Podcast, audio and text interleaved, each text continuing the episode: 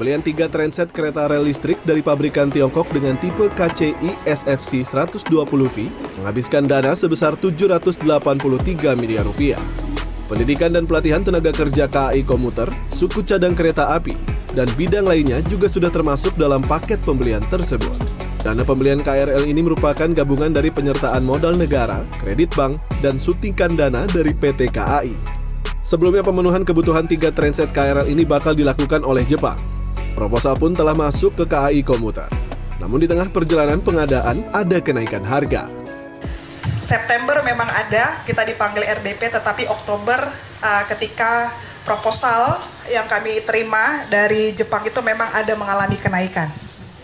Ya, sehingga perlu ada membandingkan dengan yang lain. Ya, ada Korea dua, Ujin sama uh, Daun Sis. Ya, kemudian ada CRRC.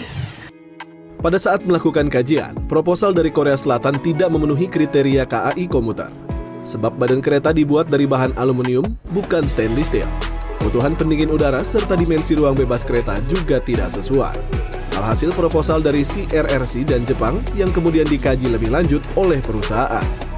Spesifikasi teknisnya pun baik AC yang mendekati memang di CRRC, karena CRRC itu memang dia membuat uh, keretanya itu berdasarkan uh, hasil dari survei dan yang lain. Kalau yang Jepang memang kan dia sedang memproduksi dalam negerinya, sehingga uh, bukan khusus ke KCI gitu. Jadi uh, ada beberapa hal yang memang uh, kebutuhannya untuk Jepang gitu loh. Jadi ada harus penyesuaian. Tapi kalau dari CRRC ini, jadi dia memang buat untuk KCI Produksi KRL dari Tiongkok bakal memakan waktu 13 setengah bulan. Setelah tiba di Indonesia, KRL tersebut bakal menjalani proses uji dan sertifikasi oleh Kementerian Perhubungan. KAI Komuter juga melakukan uji hingga 4.000 km tanpa gangguan untuk memastikan keamanan dan keselamatannya. Ketua Bidang Advokasi dan Kemasyarakatan MTI Pusat Joko Setiowarno menjelaskan bahwa harga KRL yang ditawarkan oleh Tiongkok tidak jauh berbeda dengan PT Inka. Tiongkok menawarkan harga per gerbong sebesar 21,43 miliar rupiah. Sementara PT Inka berkisar 19,95 miliar rupiah per gerbong. Ya sebenarnya buat saya uh, karena sudah dapat informasi dari harganya, ya saya kira tentunya apa pun orang mencari yang lebih murah, gitu kan.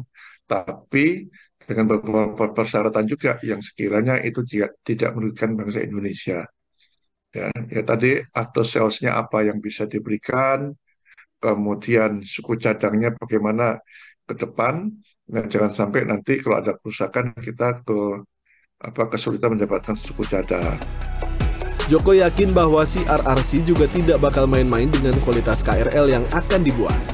Sebab produk kereta cepatnya yakni KCIC 400 AF telah berhasil di Indonesia Bila produk KRL untuk KAI komuter gagal, akan berpengaruh terhadap kepercayaan masyarakat.